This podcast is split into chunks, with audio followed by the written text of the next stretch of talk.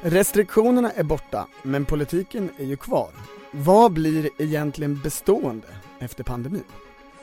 Och är det partiledardebatterna som kommer vinna valet åt Ulf Kristersson?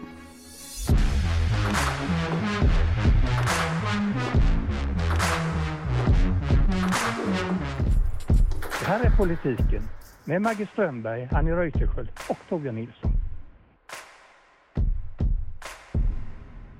Maggie Strömberg, idag är det frihetens dag. Visste du det? Idag öppnas det, landet. Ja. Jonathan tar den här luren, styr Katladraken, dödar Tengil, covid-smittan är borta, restriktionerna faller. Exakt. Tyvärr var inte jag ute och dansade i natt eftersom jag har förkylningssymptom och då måste man fortfarande stanna hemma. Ja, vi har ju det båda två kan man säga, så den här podden spelas in under lite speciella omständigheter. Ja. Men jag läste i Aftonbladet om en 18-årig eh, tjej som aldrig hade fått dansa på dansgolv innan och hon älskade att dansa. Hon var så lycklig över att nu skulle hon för första gången känna hur det var på riktigt, på klubb. Det är underbart. Har man längtat efter denna kvällen? Ja, verkligen. Speciellt när man aldrig har varit ute på nattklubb innan. Jag är så taggad. Riktigt taggad. Hon var ute i natt. Hon var ute i natt. Det var många som var ute i natt tydligen. Pandemin är alltså över, eh, tror vi just nu. Men ja, eller restriktionerna är i alla fall över. Pandemin fortsätter väl. Ja, men vad består politiskt då? För det här har ju ändå format en hel mandatperiod och kanske saker politiskt för längre tid än så. Ja, men det där är ju intressant. Jag har tittat lite på det, jag har skrivit en artikel om det den här veckan.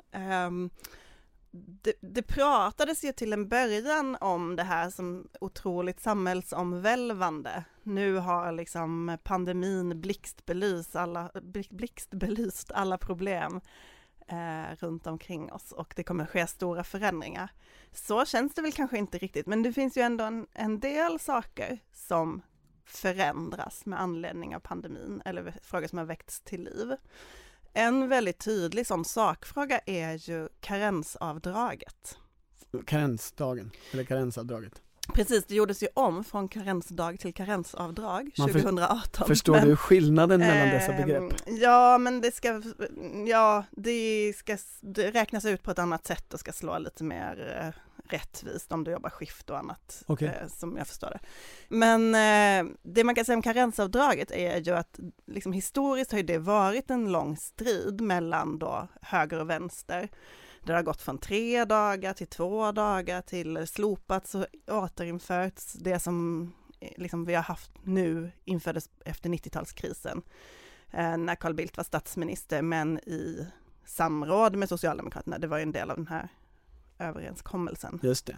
Natt, äh, nattliga uppgörelser, Carl Bildt och Ingvar Carlsson. Ja, och ähm, sen dess har frågan varit rätt så död, men nu har den väckts till liv och man ser att en del partier har börjat svänga lite i frågan om att slopa karensavdraget permanent. Alltså ha kvar de reglerna som har gällt nu under pandemin? Ja, alltså historiskt kan man ju säga att det har funnits då, det har ju handlat ganska mycket om fusk Alltså stannar folk hemma fastän de är friska. friska. När det infördes igen på 90-talet, då var det någon som eh, forskade på hur det hade varit under OS 1988 i Calgary. Och då kunde man se att 3,6 procent av männens sjukskrivningar berodde på vinterspelen i OS och att männen var mycket sjukare än kvinnorna under den där perioden. Det där har ju alltid varit ett argument att folk, eh, folk stannar hemma fastän de inte är sjuka för det kostar dem ingenting. Ja, det var ett argument redan under 70-talets debatt tror jag. Ja, att, att man liksom sa att när Ingmar Stenmark åker skidor, då är alla hemma. Just det, det hör man ju ofta i samband med föräldrapenning också. Däremot på vänstersidan har man ju tyckt då att det här har liksom karensdagen har varit ett sätt att fuska, anklaga arbetare, de har ingen moral, de vill bara vara hemma och lata sig om de inte straffas. Det som debatten numera har svängt till är ju den, den liksom ojämlika, det ojämlika utfallet av det här, alltså att eh, tjänstemän eller för folk med vissa yrken kan jobba hemifrån, eh, då, då, behöver du inte drabbas av det här avdraget, medan andra inte kan det. Eh, och det som hände i höstas var att Miljöpartiet svängde på sin kongress och ändrade sig om detta, vill nu slopa permanent. På Socialdemokraternas kongress var detta också en väldigt stor stridsfråga. Där landade man, LO och flera tunga vänsterdistrikt drev då slopad karensavdrag. Man landade i en kompromiss, man ska utreda och det har socialdepartementet också sagt att man nu ska göra. Och direktiven håller på att tillsättas. Det, de, det man har hört Ardalan Shekarabi, socialförsäkringsministern, säga är ju att man kanske ska titta på vissa grupper då, kan man slopa det för eh, sjukvårdspersonal till exempel, folk i äldreomsorgen.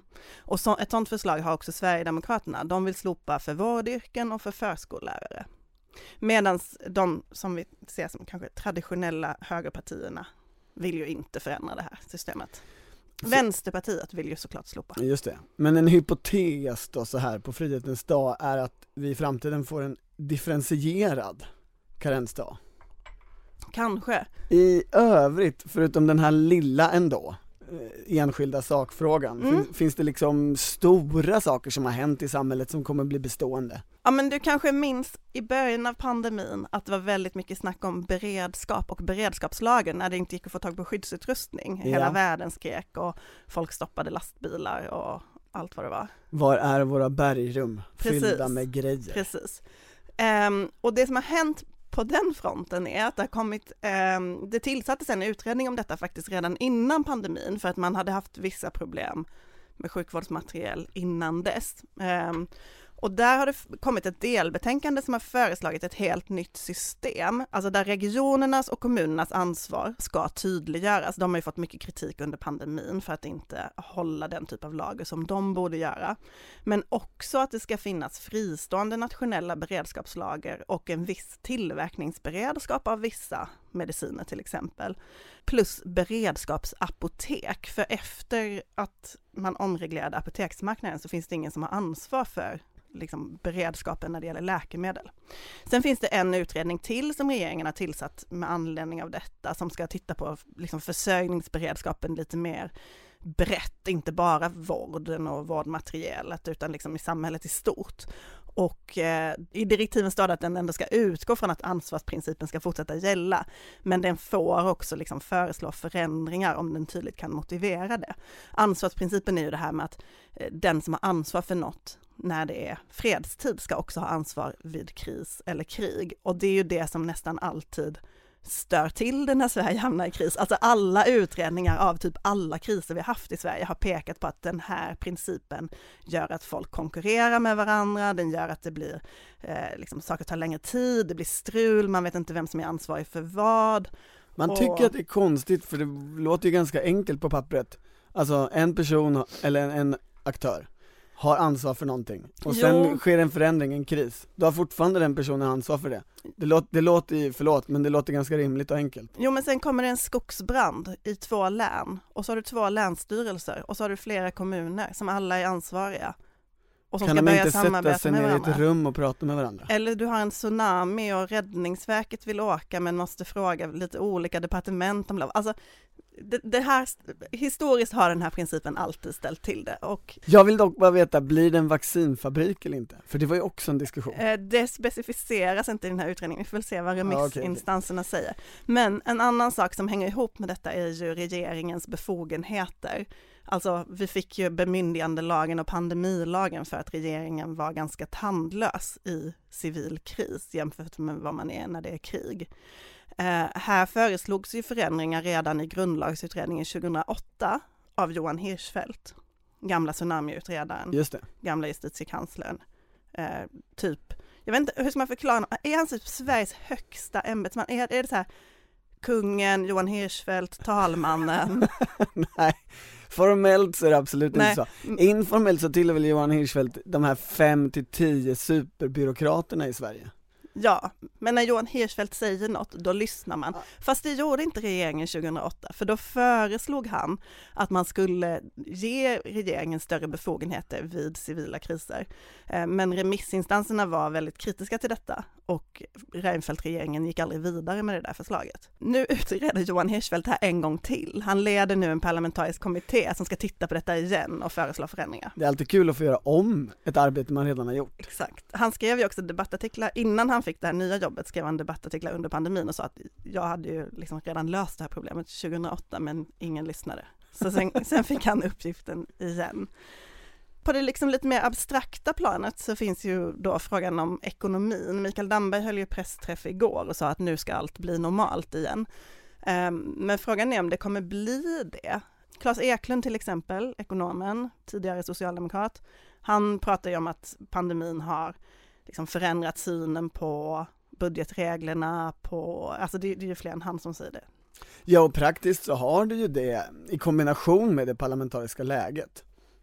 Det finns inte riktigt incitament för att upprätthålla de gamla budgetreglerna på riktigt, för det gör ingen. Och de här jätteexpansiva budgetarna där man också har då lånat till olika, olika saker. Man har lånat till krisstöden men sen har ju också till exempel när oppositionen då har drivit igenom saker i finansutskottet, då har det också lånefinansierats. Så vi är ju väldigt, väldigt långt ifrån Anders Borgs gamla krona för krona-princip. Ja, när och pensions... regeringen har ju inte varit bättre, eller bättre, nej, nej. hur man nu säger, nej, men, men de här, den här pensionstillägget eh, som, som, som kom nu förra veckan, det är också oklart hur det ska finansieras. Alltså, ja. Man klarar av idag gentemot allmänhet och journalister att lägga fram saker som inte är finansierade, för ingen förväntar sig eller kräver att det ska redovisas en finansiering på det sätt som det har gjorts i, i 20 år tidigare. Nej, och sen undrar jag också om det inte har hänt någonting i så här, allmänhetens, journalisternas debatt allmänhetens eh, förväntningar på vad politiken ska göra. Alltså jag tänker bara hur man pratar om bränslepriserna nu. Att, man, att det liksom grundfrågan är ändå så här, ska inte regeringen ge stöd? Eh, att man vill liksom, man tänker att det är så självklart nu att peng, det ska komma pengar. Det är ju som på 70-talet lite. Där det var en självklarhet också för en borgerlig regering att det skulle liksom ges stöd till industrier den här akuten som det kallades, där alla, där alla liksom strukturellt eh, dåliga företag kunde gå till regeringen och få pengar av en centerpartist. Ja men och det här tror jag kanske är en förändring, en liksom, eh, förändring som man kanske inte riktigt har förstått vidden av än, men som mer har skett i, inom oss liksom, än i faktiska konkreta politiska förslag, men som kan förändra Det hänger ju också framöver. ihop med att, att Riksbanken har förändrat en, förändrats en hel del under pandemin med att man har stödköpt massa saker på ett, på ett nytt sätt och att Riksbanken ju också ska få en ny chef. Just det, i år. Stefan Ingves förordnande går ut. Det är ju en riktigt stor politisk händelse. Mm. Men en annan fråga som ju det har pratats väldigt mycket om är ju vården. Mm. Händer det något där? Det händer ju alltid saker i vården men ingen begriper dem för de är för komplicerade också för de politiska partierna. Men, men det är ju valår och eh, sjukvård har ju varit liksom topp ett eller topp tre för väljarna i åtminstone ett decennium. Och då är så här frågan, kan det bli någon slags valstrid av det här? Och där tycker jag ju att det händer intressanta saker. Socialdemokraterna ska väl som vanligt gå till val på mer pengar, fler vårdplatser eh, och de får absolut, om vi skickar pengar från staten så får de inte fastna i de här dumma borgerliga regionernas spargrisar. Moderaterna tror jag inte vill ha en diskussion om vård alls eh, eftersom det inte gynnar dem. Däremot så vill ju Kristdemokraterna det och de har ju ett förslag som är fullständig revolution. För deras förstatliga vården-förslag? Ja, när man läser den rapporten så är det lite som att läsa ett ungdomsförbund som har en så här kul revolutionerande idé, storslagen, eh, vi köper det. Och sen, Vänta, rapporten, alltså deras förslag? Ja, hur... de, de skrev en rapport förra året där det här förslaget eh, konkretiseras och sen så eh, klubbar de ju det på sitt riksting här i höstas. Mm. Så det, det, här är ju deras viktigaste valfråga. Och det är lite när man inser att det är Ebba Buschs viktigaste valfråga, som man börjar tänka att det här kommer ju få effekter på något sätt. Moderaterna kommer inte kunna fly undan den här diskussionen. Vinner den sidan valet så är det det här som Kristdemokraterna ska ha genomfört under nästa mandatperiod. Och de tänker sig att det här kan man genomföra på ett eller två år, för det gjorde de i Norge. Men vad är det de vill göra? De vill lägga ner alla regioner ta bort alla politiker som är valda i regioner, eh, ta bort beskattningsrätten. Lägga för, ner SKR. Förstatliga sjukvården, lägga ner SKR, detta hatobjekt för många politiker i riksdagen under den här pandemin. Eh, Vill absolut. de lägga ner SKR? Ja, ja, ja, det kommer, ja den kommer ja. behöva försvinna på sikt. Alltså rent formellt så kan man inte bara avskaffa regioner hur som helst, det är grundlagsfäst. Men man kan, hävda Kristdemokraterna, utan problem ta ifrån sjukvården från regionerna mm. och göra den statlig. Så då har de bara trafiken och lite kultur kvar? Ja, det innebär ju att eh, regionerna under en övergångsperiod kommer vara kvar men typ ha bussar och tåg och eh, någon liksom regional utveckling och lite kulturmuseer att ta hand om. Men så här, alltså under pandemin har ju ändå många pratat om någon slags ökad central styrning, att det behövs av vården. Ja. Och så vad kommer hända kopplat ja, det, till pandemin här? Det talar ju liksom för den här långtgående idén som Kristdemokraterna har, att det finns en allmän uppbackning om att staten ska styra mer och staten styr ju regionerna rätt mycket redan för att regionerna inte kan finansiera sig själva. Så det är statens pengar som, som styr. Men, men jag tänker att om Moderaterna skulle signa upp med Kristdemokraterna redan nu innan valet på den här idén så skulle det också påverka problemformuleringen kring sjukvård under hela valrörelsen. För då, då är det inte lika lätt för, för Socialdemokraterna att vinna en problemformulering som är vi har för få sjukplatser, alltså måste det till mer pengar och, och så vidare. Men det låter ju inte så osannolikt, alltså traditionellt har ju väl det varit en moderat linje också, att avskaffa landsting och Irene Svenonius har skrivit en bok om att avskaffa sig själv, hon är ändå deras mäktigaste sjukvårdspolitiker. Ja, det finns nog många moderater som tycker den här idén är bra, som Kristdemokraterna har. Men kvar i partiet finns ju dels tunga regionpolitiker som eventuellt inte vill avskaffa sig själva när det väl kommer till kritan. Och kanske inte vill avskaffa SKR heller. Fråga Anders Knape vad han säger om det. Men därtill så har de ju i den här frågan faktiskt ett Nya Moderaterna-arv som lever. Den här idén att, att, att slopa alla tankar på att avskaffa landstingen kommer ju från Anders Borg. Han som en gång stod i talarstol där det stod eh, landsting är farligare än knark. Men när han det var sen, på MUF-tiden? Ja, det var när han var ung.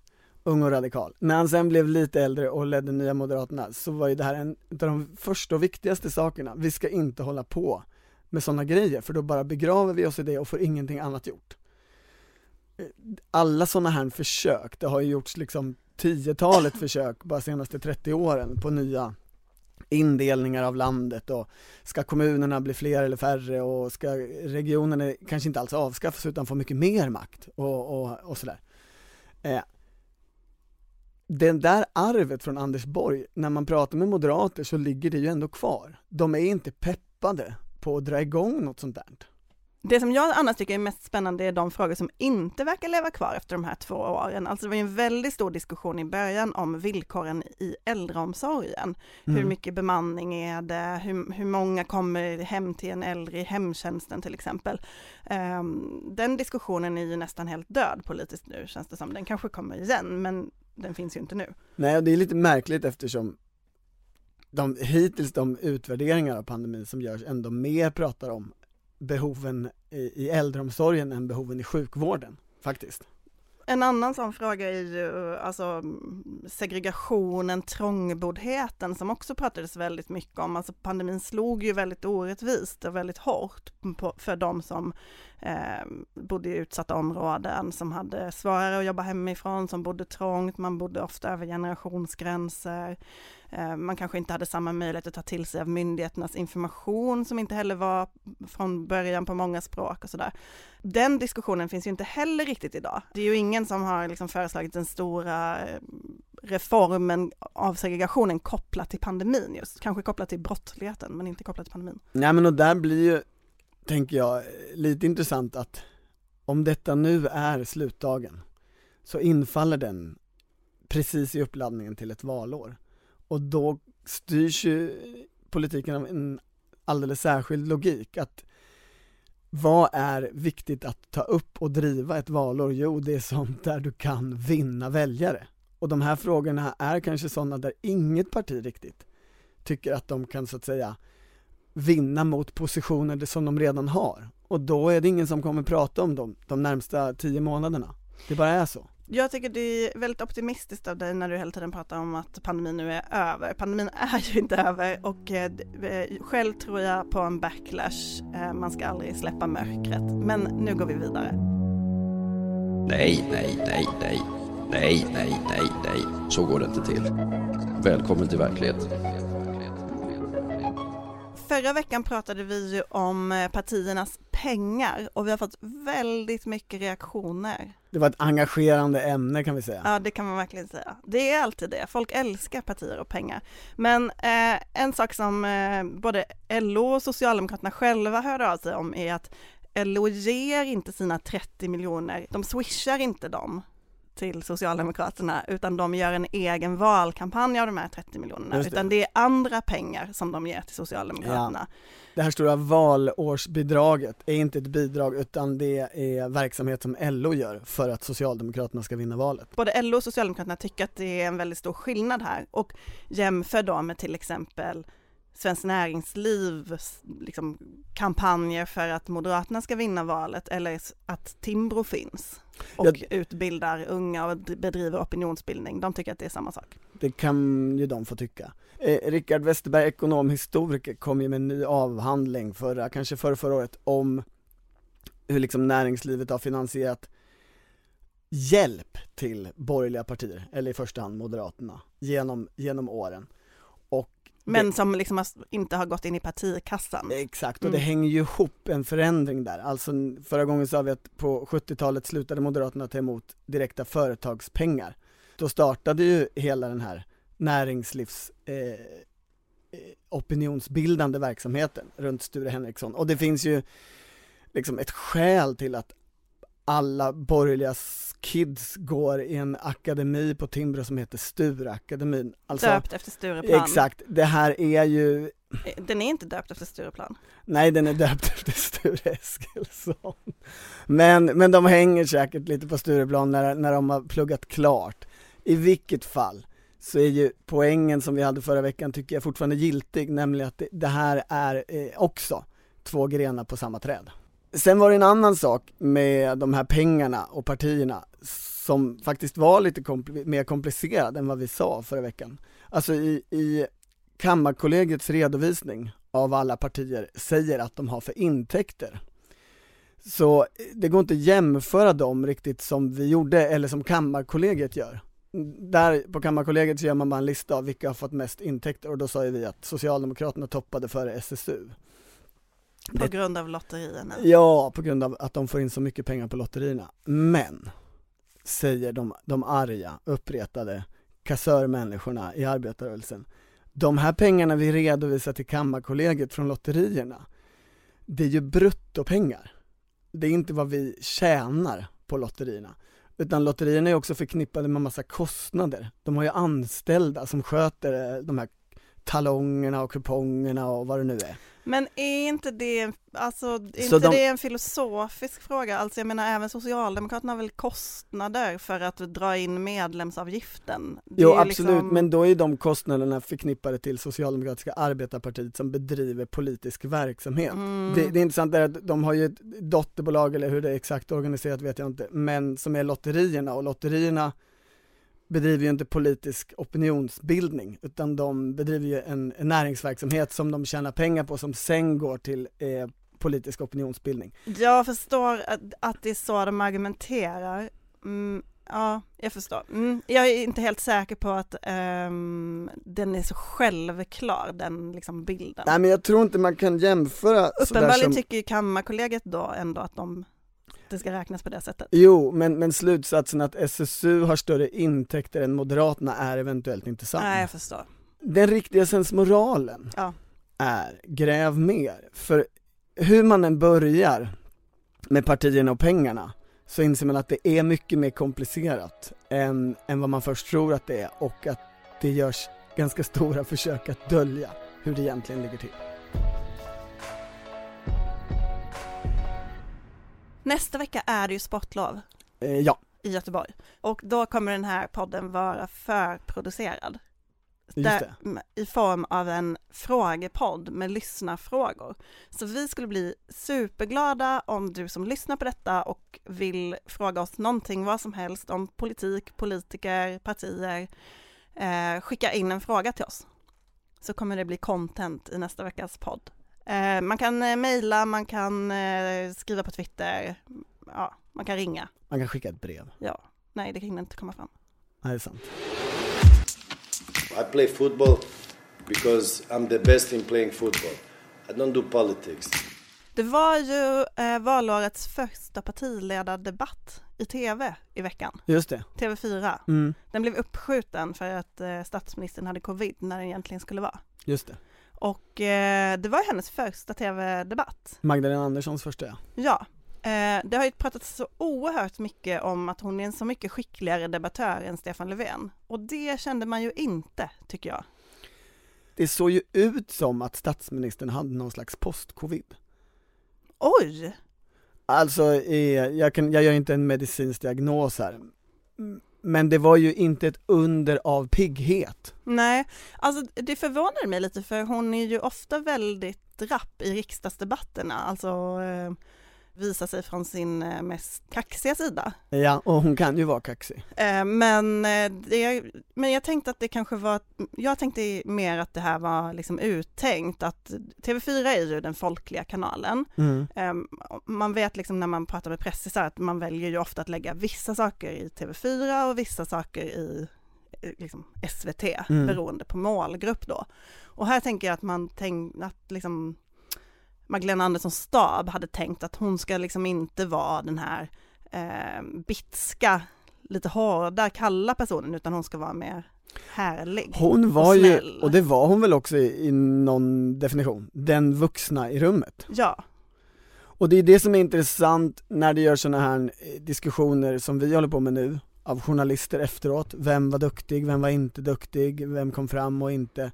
Då bygger ju de på en, liksom, eh, ganska endimensionell värderingsskala, där det här är ett gladiatorspel, sådana här partiledardebatter, och där den vinner som slår hårdast, brutalar, eh, mördar brutalast och liksom gör mest show-offiga grejer för publiken. Ebba Busch. I det här fallet, den här gången var det väl absolut Ebba Busch.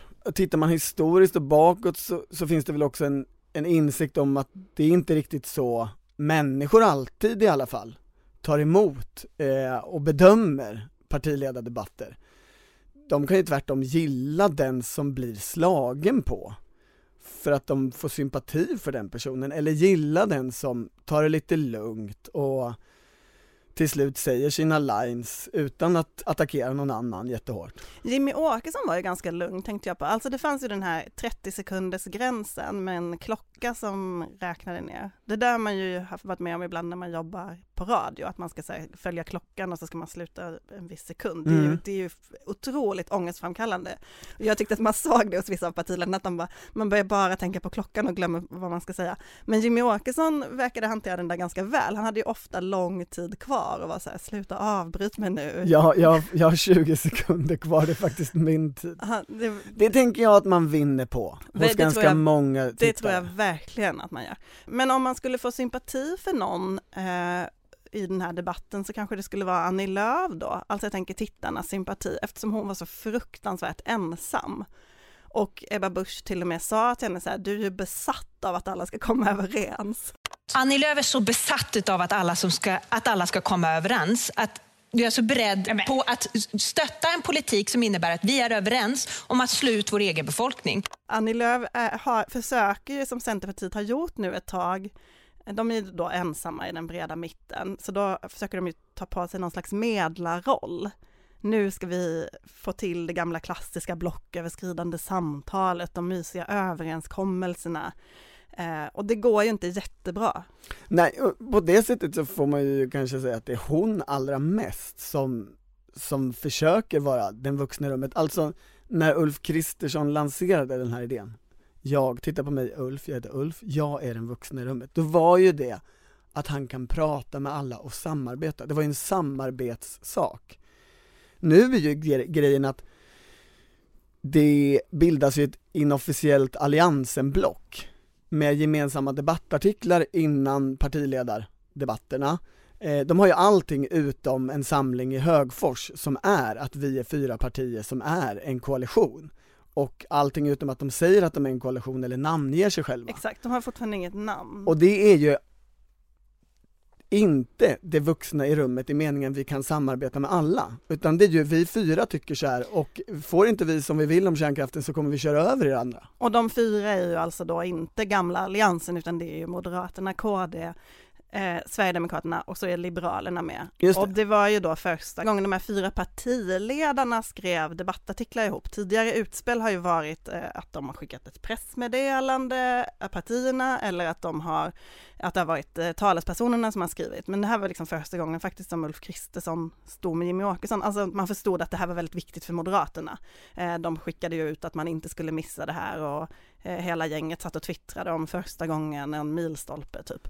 Men det, det intressanta var ju sen med det där kärnkraftsutspelet tycker jag var att det är ju tydligt att man vill göra det här till en valfråga. Man avfärdar ju i princip möjligheten att komma överens över blocken här. Det är det här som är spännande, för det här är likt den här diskussionen vi hade om ekonomin och vad som har hänt med den sista tio åren och under pandemin, alltså budgetansvar och så vidare. Här finns ju inte ens en tanke hos det som liksom är statsministerkandidaten och ett block som är ett block och som verkligen kan vinna, att det behöver göras över blockgränsen för att det ska bli bestående. Det, det, är en, det är en liksom insikt som, eller en idé rättare sagt, för, för det går att göra, det måste ju inte göra så, men den idén har ju dött om blocköverskridande uppgörelser. Det är ju Jo. bara Annie Lööf som upprätthåller den ordentligt. och det är ju för att blocköverskridande, så som Annie Lööf ser det och så som vi traditionellt ser det, det utesluter ju Sverigedemokraterna. Alltså det utesluter 20 procent av väljarna, eller 17 procent av väljarna. Till och med 30 om vi räknar in Vänsterpartiet eh, utesluts ju ofta Det också. är inte längre en stabil överenskommelse. Politiskt är det inte det eftersom Sverigedemokraterna kan stå och liksom bara kasta oppositionskritik på de andra partierna. Men man kan sammanfatta det som att Sverigedemokraterna har dödat det politiska 90-talet. Äntligen. Jag blev också överraskad av Nyamko Sabuni måste jag säga. Hur då? Liberalernas partiledare. Ja, Jo men eh, hon har ju haft det ganska tufft i sina debatter. Hon har ju till och med fått liksom, öppen kritik inifrån sitt parti. För att hon är för i- kass. För att hon har varit för dålig. Ja, alltså de, de. de har gått ut i media och bara hon var dålig. Eh, underbart måste det vara. Tacksamt att leda detta parti. Men eh, hon var ju faktiskt, tyckte jag, både liksom eh, pigg och tydlig och eh, begriplig i debatten. Men hon har ju haft en ganska tuff tid på sistone. mm. Det började ju med 30 minuter, eh, alltså SVT-programmet. ja, där ju efteråt skrev Alex Schulman eh, i Dagens Nyheter en text om att eh, han inte, liksom, att han fick ångest när han såg henne, typ. Och att hon ville, det verkar som att hon vill att det ska gå dåligt för hennes parti. Ja, eh, och den, enligt Peter Wolodarski som twittrade ut denna, så, alltså tidningens chefredaktör, så var det en av de mest lästa artiklarna i år. Det tänker jag Ehm. att Peter Wolodarski är glad över. Alltså det, det, det är ju en eh, speciell relation mellan partiet Liberalerna och tidningen Dagens Nyheter. Jag vet inte, Dagens Nyheter har kanske fler prenumeranter nu än vad Liberalerna har väljare. Men eh, inte omöjligt. de slår ju rekord hela tiden säger de. Men eh, i alla fall så blev ju Nyamko Sabuni sen intervjuad av samma tidning i deras partiledarintervjuer. Och då fick hon frågan om hon kan släppa fram en konservativ regering där Sverigedemokraterna sitter med, men inte Liberalerna. Och hon får jättemånga frågor om detta och resonerar kring det. Och uteslöt då inte där ett regeringssamarbete med SD. Men hon sa att att sitta i förväg och ge skarpa beslut och ståndpunkter som man sen eh, måste äta upp, det, det, det, det tycker inte jag, det gör jag inte. Utan det kommer vi i vårt parti att bestämma när det är dags. Och, och här var ju den interna kritiken att det finns ju bestämda ståndpunkter ja, som man det- har slagit fast på ett landsmöte precis. och ganska nyligen. Och du, borde, du borde bara kunna hålla dig till dem. Det är inte så krång- krång- krångligt egentligen. Men från en del har det här då uttalandet då tolkats som att eh, Nyamko Sabuni kanske har en annan plan som hon här råkade liksom dela med sig av till Ja. Dagens Nyheter. Att hennes plan ändå är att efter, att ändra på det här landsmötesbeslutet efter valet och att eh, sätta sig i, regering med Jimmy Åkesson. Jag, fråg, jag träffade en, eh, en som jag ändå skulle beskriva som Sabuni-vän i riksdagen efter att det hade hänt och frågade den här personen om den hade tolkat det så. Och den personen sa lite syrligt så här, nej jag tror bara inte hon fattade vad hon sa. Och det, det är ju också hårt från en vän. Men, men ehm, ehm, ska, man, ska man säga något till Nyamko Sabunis försvar i den här frågan så är det ju att statsvetarna som forskade på den långa regeringsbildningen, alltså Jan Theorell och hans vänner, Ja, de har ju sedan dess konsekvent sagt att partierna måste sluta med de här ultimativa ställningstagandena före valen. För att de, de funkar inte i det system vi har. Det är det som gör att det tar så lång tid att bilda regering, att det inte går att låsa upp de här. Och journalisterna måste sluta trycka in dem i de här hörnen. Det lär vi ju inte sluta göra, men möjligen ville Sabuni bara göra Jan Turell nöjd och liksom säga att vi kan inte hålla på på det här sättet. det, det är en möjlig förklaring tänker du?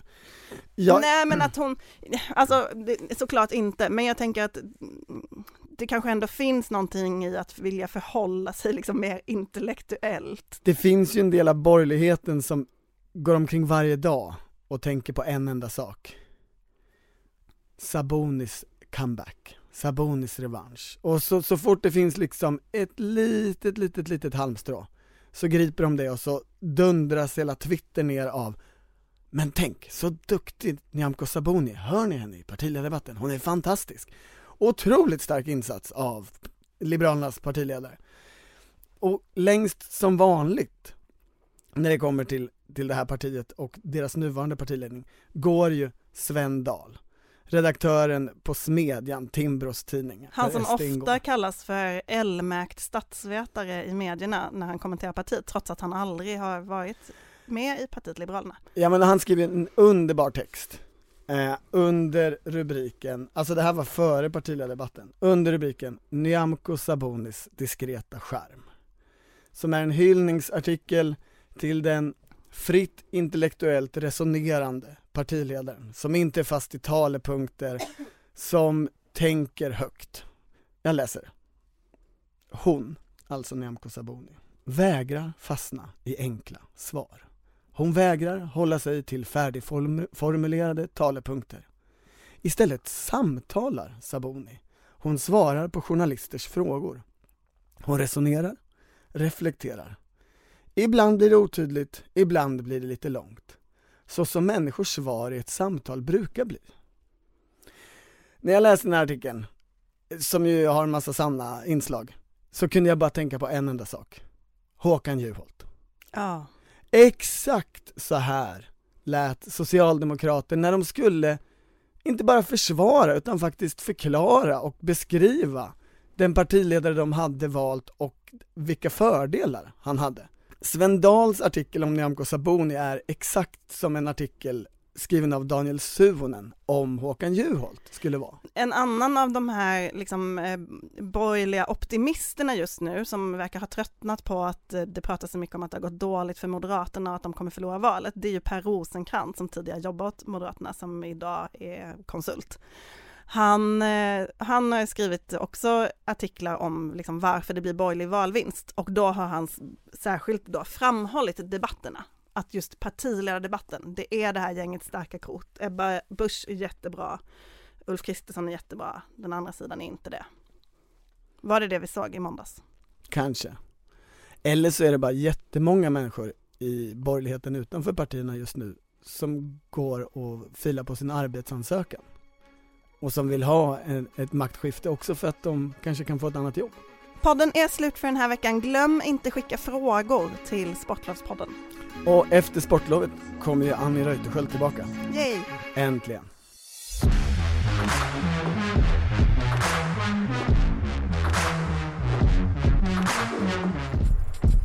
Du har lyssnat på Politiken, en podd från Svenska Dagbladet. Ansvarig utgivare är jag, Anna Kareborg.